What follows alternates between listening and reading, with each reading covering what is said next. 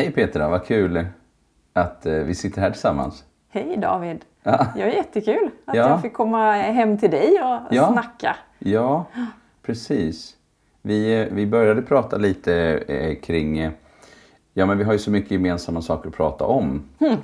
När det gäller barn och ungdomar och särskilda behov och föräldraskap. Och, Precis. Och så tänkte vi att varför inte spela in alla våra kloka tankar? Var det så David? ja, men kanske något sånt. Ja. ja. ja vad Så vad tycker du vi ska snacka om idag då?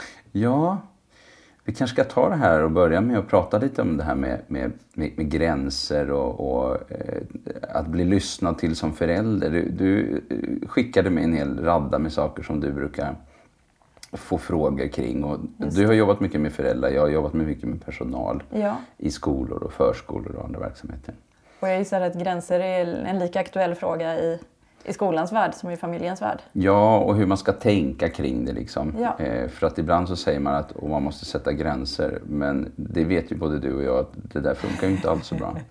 Nej, det är ju sällan information om vilka gränser som gäller som är Nej. orsaken till att barnen beter sig illa, som de vuxna ofta säger. Och Nej, precis. det är ju oftast helt andra orsaker än brist på information just. Ja, verkligen. De vet vad som gäller, men de Ja. kan inte alltid. Nej, Nej. eller förmår inte tänker Nej, jag. precis. För att det finns andra saker som är viktiga Mm. eh, för barnet eller ungdomen som gör att nej, jag kan inte göra det här för det kostar för mycket.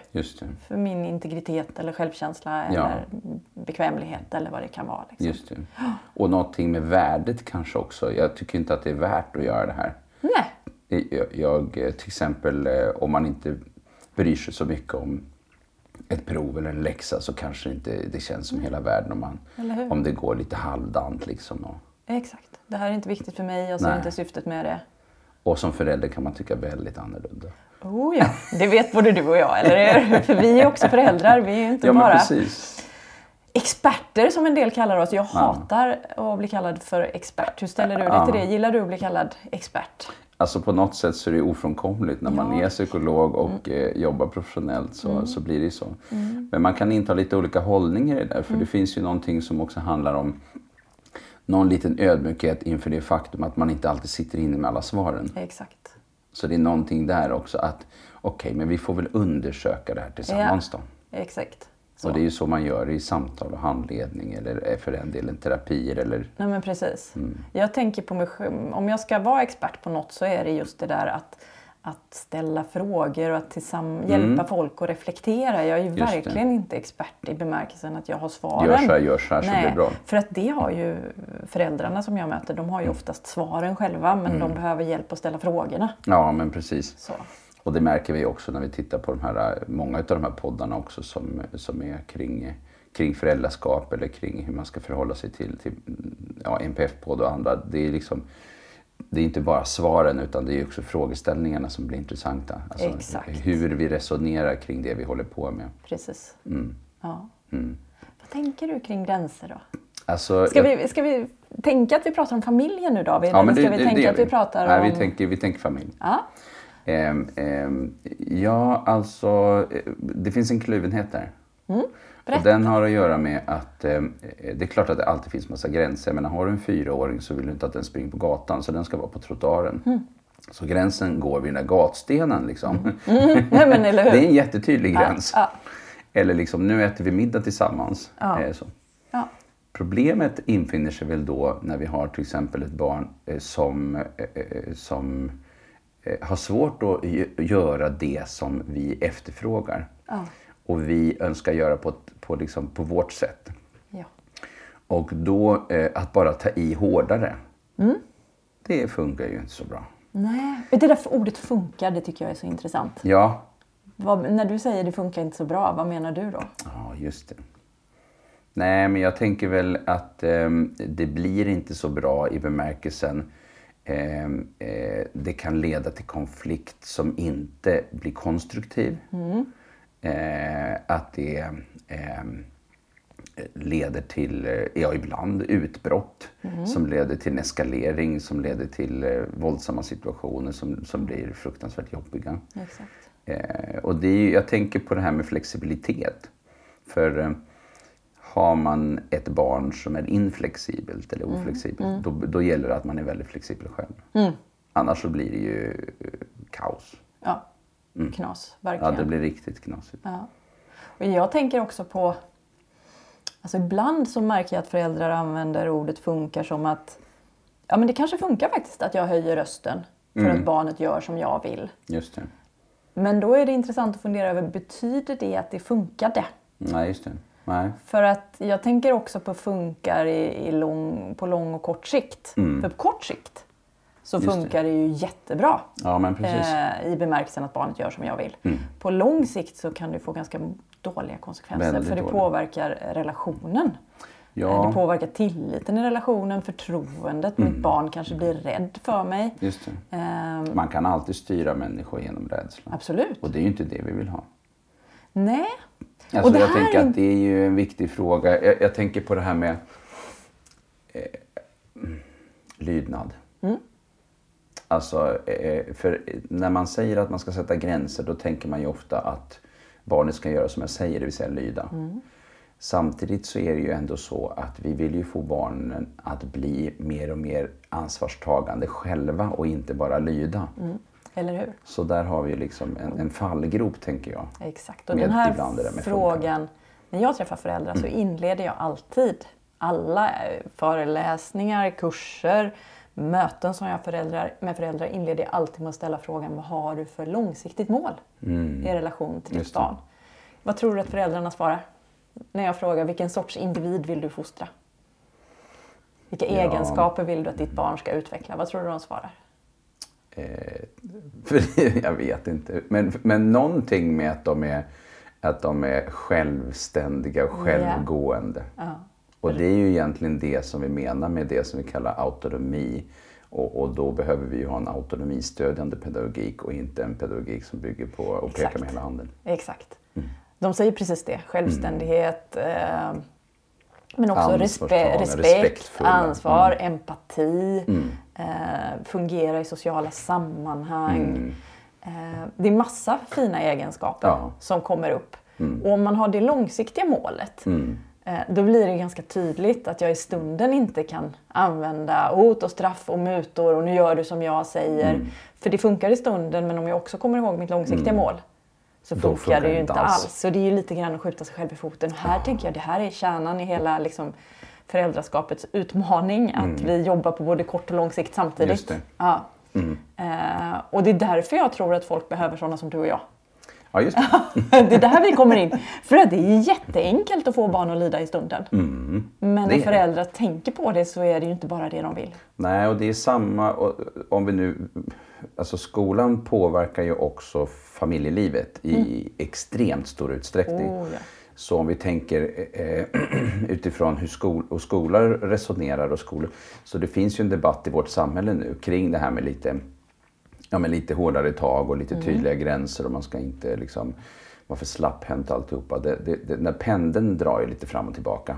Och nu tycker jag att vi har gått i riktning mot att vi hör lite mer sådana tongångar.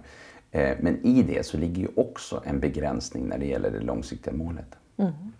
Och den är ju oerhört problematisk. Mm. Utveckla det. Hur tänker du att det är en begränsning i det långsiktiga målet? Eh, Ja, därför att eh, då, om man då tänker sig att nu ska vi ha hårdare tag eller vi ska liksom, det här funkar inte, vi måste visa var skåpet ska stå. Överhuvudtaget när vi pratar om det här med att vi måste ha, eh, alltså nu är det ju en jättestor fråga det här med liksom kriminalitet i Sverige och allt möjligt. Men idén om att längre straff eller liksom mer av de repressiva åtgärderna ska vara lösningen.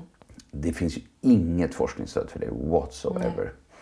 Eh, och det har ju att göra med det långsiktiga målet i vårt samhälle. Exakt. Så att, eh, och då tänker jag att vi har från familjen och, och så skolan som en större enhet och sen samhället som en ännu större enhet. Det är en helhet där någonstans. Exakt. Och den måste liksom gå ihop. Ja. Och då måste vi börja i familjerna. Det måste vi. Ja. Ja. Jag har tänkt på att när jag får frågan hur ska jag sätta gränser? Hur ska jag få mitt barn eh, att duscha? Hur ska jag få Ja. mitt barn att stänga av datorn på kvällen? Ja. Jag, jag vet inte hur det är för dig men jag får ju väldigt ofta den typen av frågor Ja. Mm. från föräldrar som går rakt på hur ska jag lösa den här situationen när den uppstår? Just det. Eh, och jag kan ofta känna en sån otrolig frustration inför Jag förstår frågan, Ja. men jag känner också en otrolig frustration inför den. För att det är liksom bakvänt. Jag, ibland så använder jag en liknelse. Om det ofta brann hemma hos dig David, om det började brinna Mm. Ja. här nu ute i köket. Då skulle du förstås släcka branden. Mm. Mm.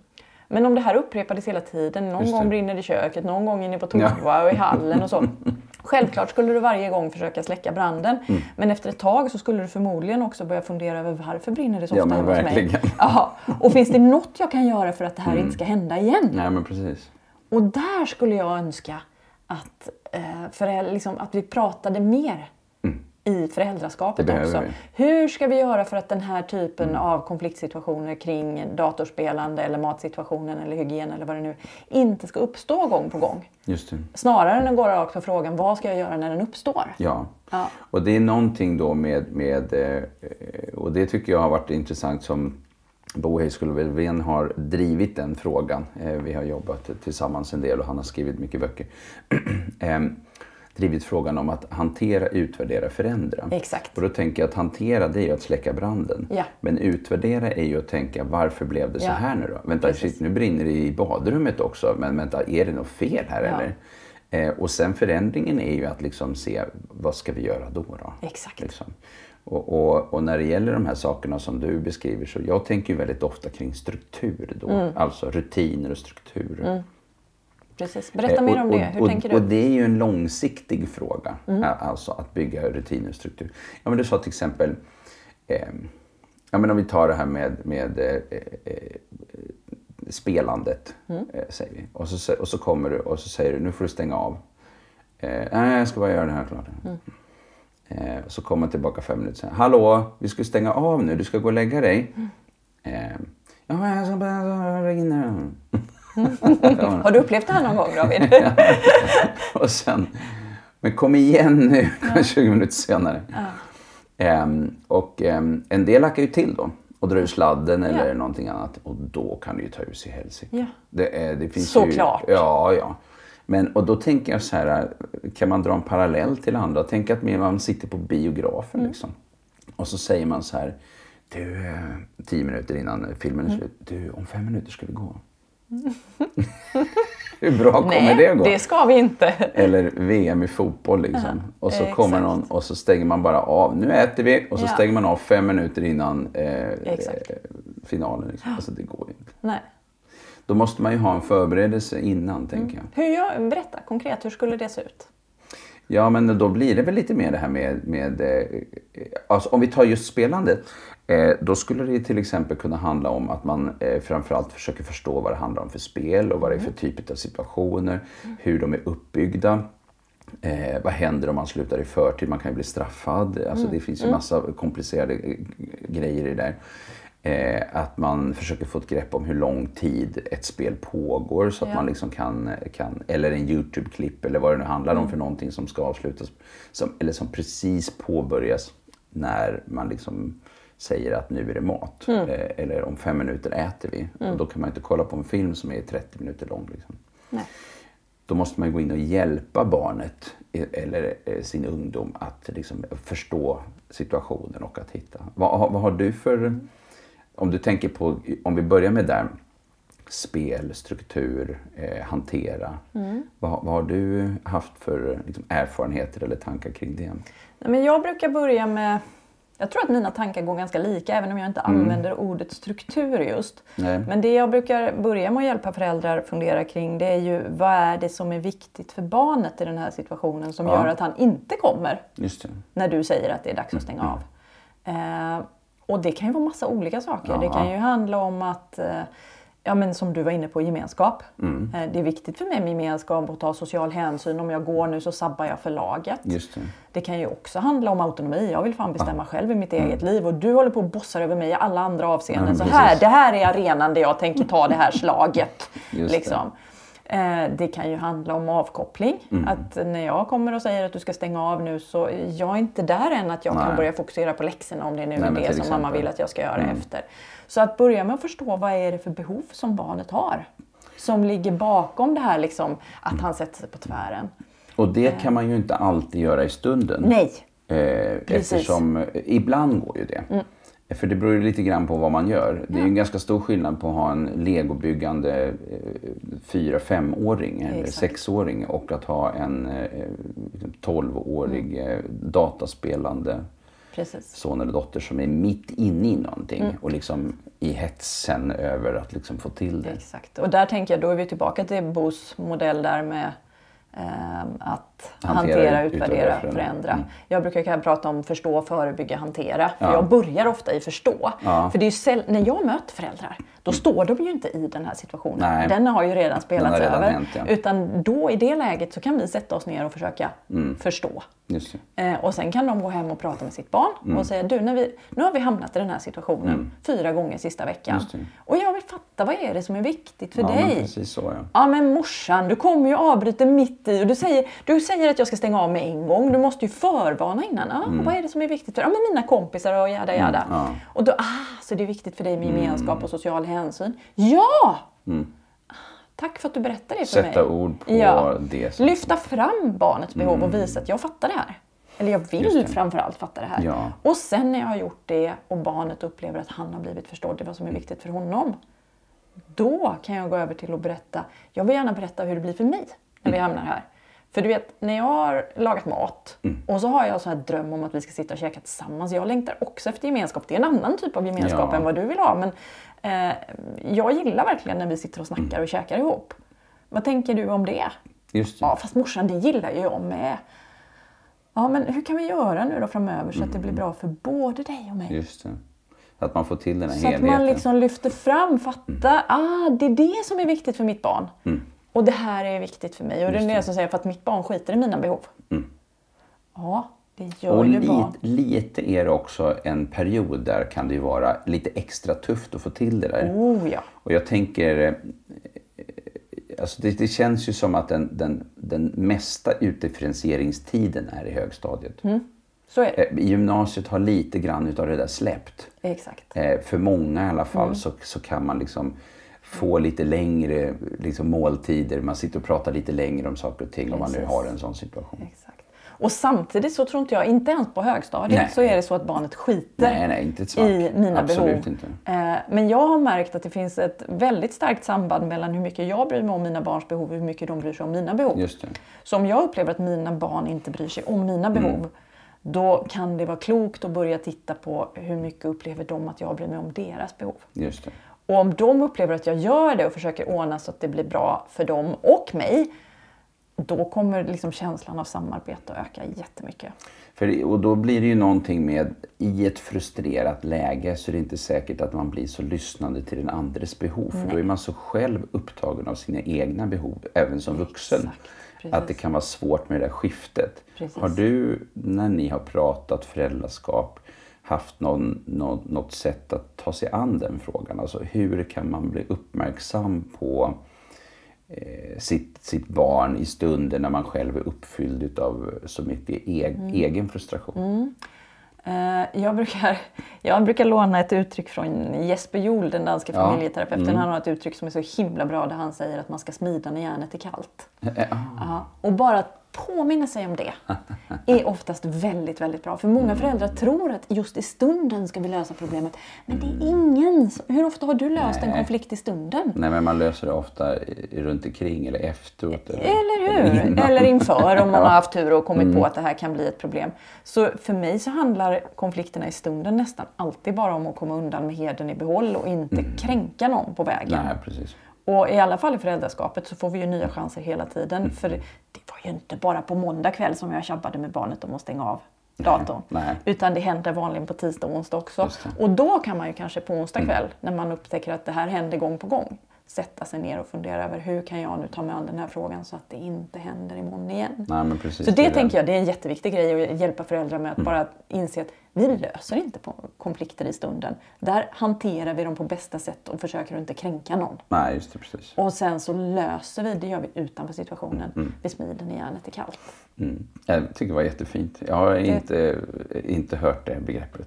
Även om det jag har läst något. Ja. av- och jag har ju sett att i alla fall i Bo Tinas bok så visar de affektutbrottsmodellen Ja, och den har du säkert också använt. Mm, och jo. den är ju egentligen samma sak. Ja, det är det. Den handlar om att Och för lyssnaren som inte har sett det så är det ju som en kurva som visar att först så är det liksom vardagsfas. Då är det vardag och då ja. ligger den lågt. Då är affektnivån eh. låg, alla ja. pratar med varandra, det är lugnt och fint och mm. sen kommer... Sen kommer upptrappningen ja. och, då, och då är det liksom om någon går upp i varv eller går, ja. blir affekt, alltså upprörd eller, eller ledsen eller arg eller upprörd över någonting, frustrerad. Det kanske så... är första eller andra gången föräldern kommer och säger att nu är det dags att stänga av. Nu Just har vi det. gått över i upptrappningsfasen, eller hur? Då kan det bli det, för då kanske, kanske barnet svarar Nej, men liksom, ja, låt mig vara. Ja, och då har affektnivån stigit hos både föräldern och barnet. Stigit hos båda. Ja. Och sen kan den landa över den här gränsen när man tappar självkontrollen. Exakt. Och det är ju det som till exempel när jag sa det här med att man drar ur sladden eller stänger av tvn eller någonting. Då kanske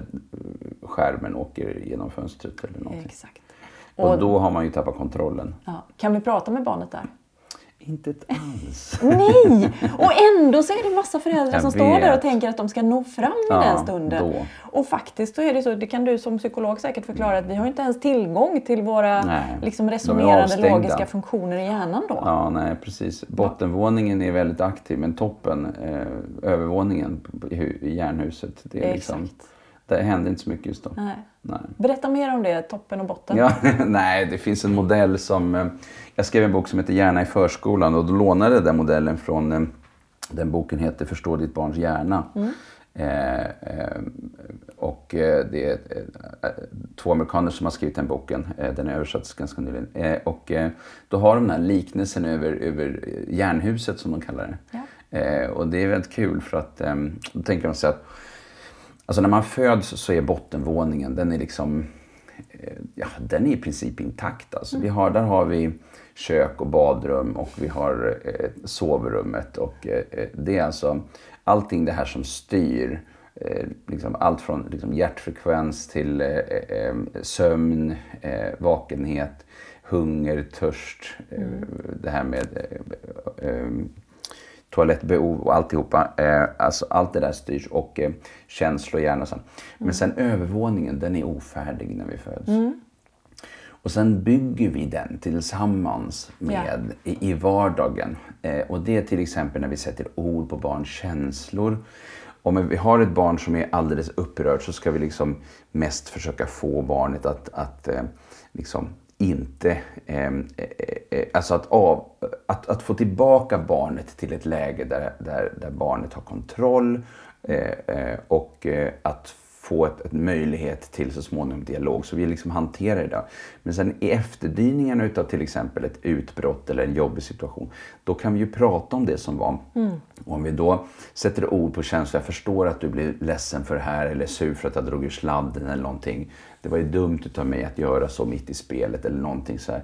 Då, då sätter vi liksom, okej okay, det var inte bara jag, det, var liksom, mm. det fanns en vuxen och jag, och jag sätter ord på känslorna. Och jag liksom, och då bygger vi den där övervåningen. Mm. Och trappan eh, upp till övervåningen. Och, och trappan, ja, ja, precis. Som inte alls är, är, är, färdig på något sätt när man föds. Nej. Utan den är väldigt, eh, det finns några steg, det finns lite steg där. Va? Det finns lite så här, men det är mycket som saknas på trappan. Så vi, ja. så vi, och varje gång vi, vi jobbar mellan bottenvåningen och övervåningen ja. så bygger vi den här trappan och övervåningen. Precis, som att trappan blir mer mm. stabil mm. varje gång vi går i den. Ja, men i princip ja. så ja. Mm. Precis. Och det är ju eh, intressant då för det här som du sa.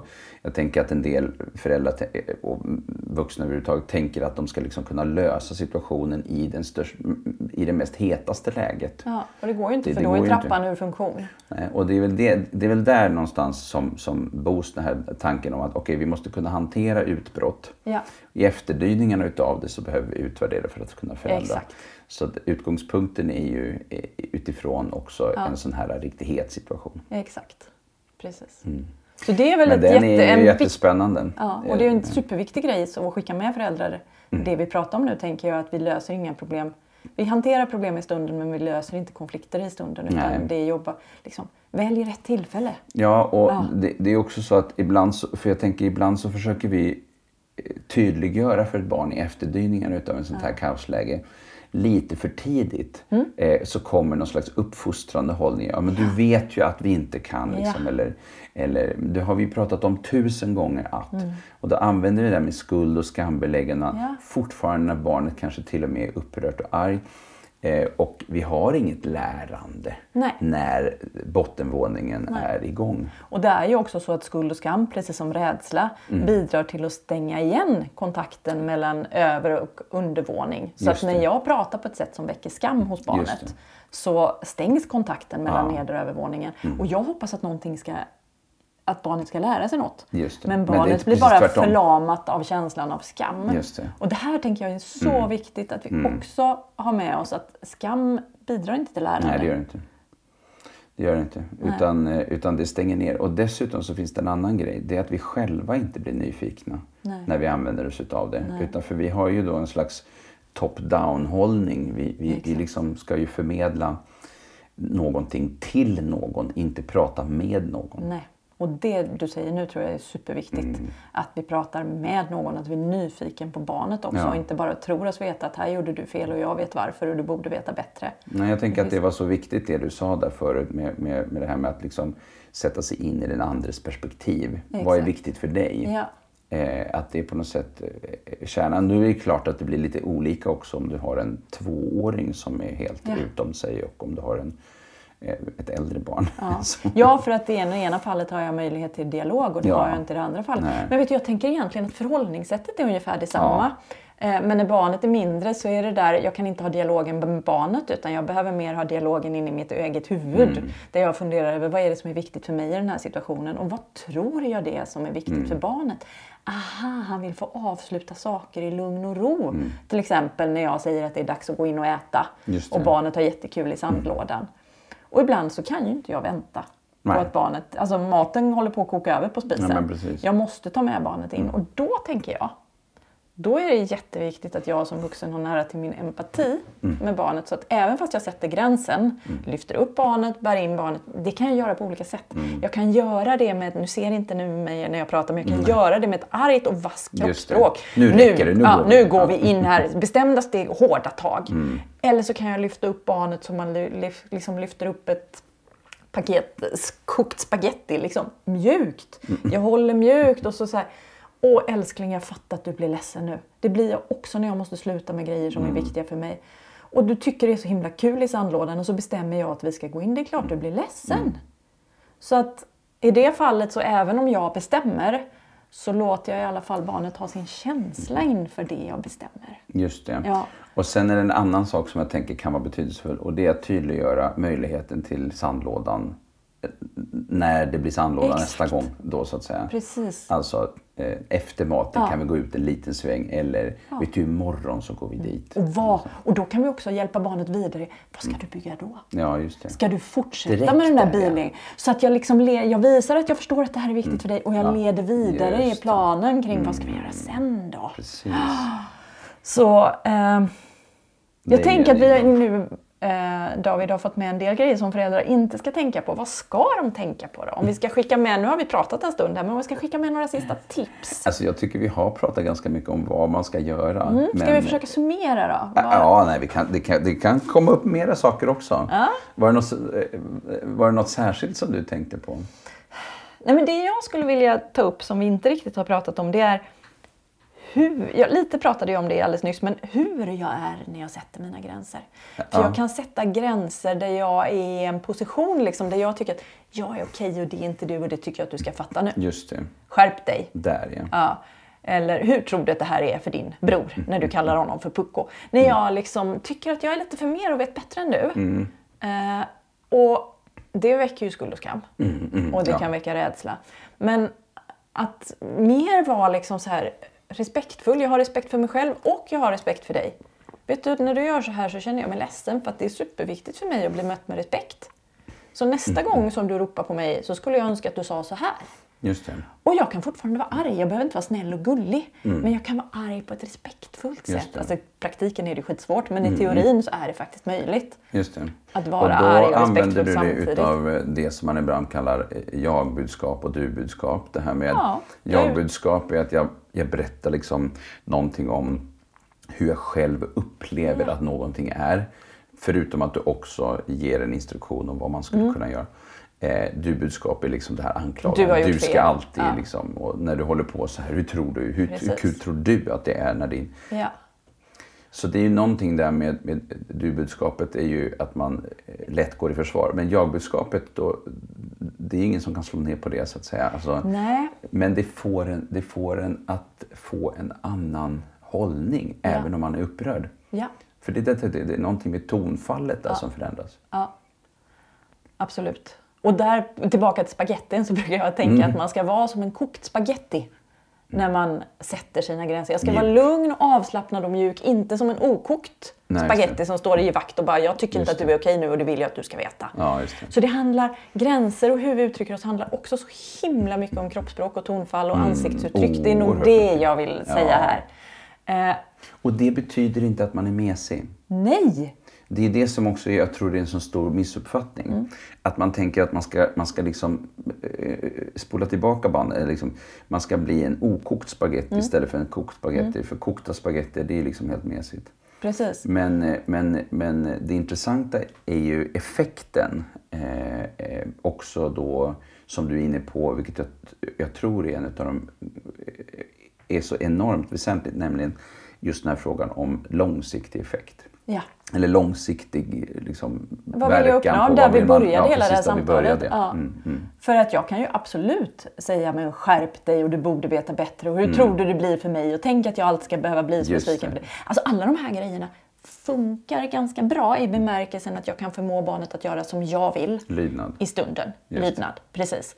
Eh, men på lång sikt är det ju helt värdelöst Mm. faktiskt. För att jag vill inte fostra en lydig medborgare. Det skrämmer Nej. Mm. mig faktiskt tanken på att mina barn skulle gå ut i samhället och vara lydiga. Nej, men precis. Jag vill vi ju att de ska mål. vara självreflekterande, ta eget ansvar, fundera över vad blir bra för mig, vad blir bra för andra människor, empatiska. Mm. Precis. Och om det är vad jag vill att de ska bära med sig ut i samhället, då behöver jag tänka på det redan här och nu. Absolut. Ja, Så, så det är ju en helt, en helt avgörande eh, fråga, verkligen. eh, det långsiktiga. Sen tänker jag Så- också på prestigelösheten Ja. när vi sätter gränser. Mm. Eh, att inte gå in i en konflikt med för, eh, förförståelsen att jag vet hur vi ska lösa den här konflikten. Jag vet vad som är bäst för både dig och mig Mm. Ja. och nu ska du göra som jag har bestämt. Utan att jag går in och säger det här är ett problem för mig, det här är viktigt för mig. Mm. Vad är det som är viktigt för dig? Hur gör vi så det blir bra för båda? Just det. Ja. Och det finns ju nästan alltid mer än en lösning Mm, ja, det gör på det varje verkligen. problem. Mm. Om vi går tillbaka till middagen och barnet som sitter och spelar. Det kanske är så att alla hans kompisar är online varje Mm. kväll mellan 6 och 8. Precis. Och han vill inte missa den Och gemenskapen. vi äter middag klockan sju. Exakt. Svårt. Ja, eller inte Då alls. får vi ändra. Antingen så bestämmer vi oss för att äta middag tidigare eller Mm. senare. Eller så faktiskt, vi skulle till och med kunna bestämma oss för att inte äta middag tillsammans i våra familj. Mm. Men halv nio träffas vi och dricker te ihop och snackar om dagen. Ja. Så man måste vara öppen Hitta tänker jag för att det finns. Mm. mer än en lösning. Och det gör det nästan alltid inte när barnet är på väg att springa ut i gatan. Nej, det, Men- det, men det är ett dåligt exempel. Det är ett för jättedåligt det- exempel. Det handlar om säkerhet och Ja, liv. precis. Och där ska vi vara jättetydliga med våra gränser. Ja. Och eh, rädda liv går alltid Ja, först. Liksom. Ja, ja. Men det står inga liv på spel när det gäller nöd- datorspelet och middagen. Nej, det gör det inte. Nej, utan där måste vi vara prestigelösa. Ja, men precis. Ja. Ja. Det Du- kanske är där vi eh, landar just nu, för vi fortsätter det här. Ja. Tänker jag. Eh, Men just idag. ja. Prestigelöst landar vi Ja. där. Ja. Och så skickar vi med det också. Var prestigelös, var nyfiken Ja. och var respektfull. Och smid medan järnet är kallt. Ja. Och var tydlig med dina egna behov. Mm. För att det handlar inte om att vara eftergiven och pruta på sina egna behov. För om man gör det då blir man bara bitter och grinig på sikt. Nej. Och då får ju bara barnet betala på något annat sätt. Mm. Så är det ju verkligen. Ja, det det sabbar också. Mm. relationen också. Så vi sitter inte här och pläderar för gränslöshet, eller hur? Mm, absolut inte. Nej. Nej. Utan samarbete. Och vi har många trådar att plocka upp här framöver. Ja, herregud vad vi kommer att kunna prata David. Ska vi säga tack och hej för idag? Tack hej för idag. Hej då! hej.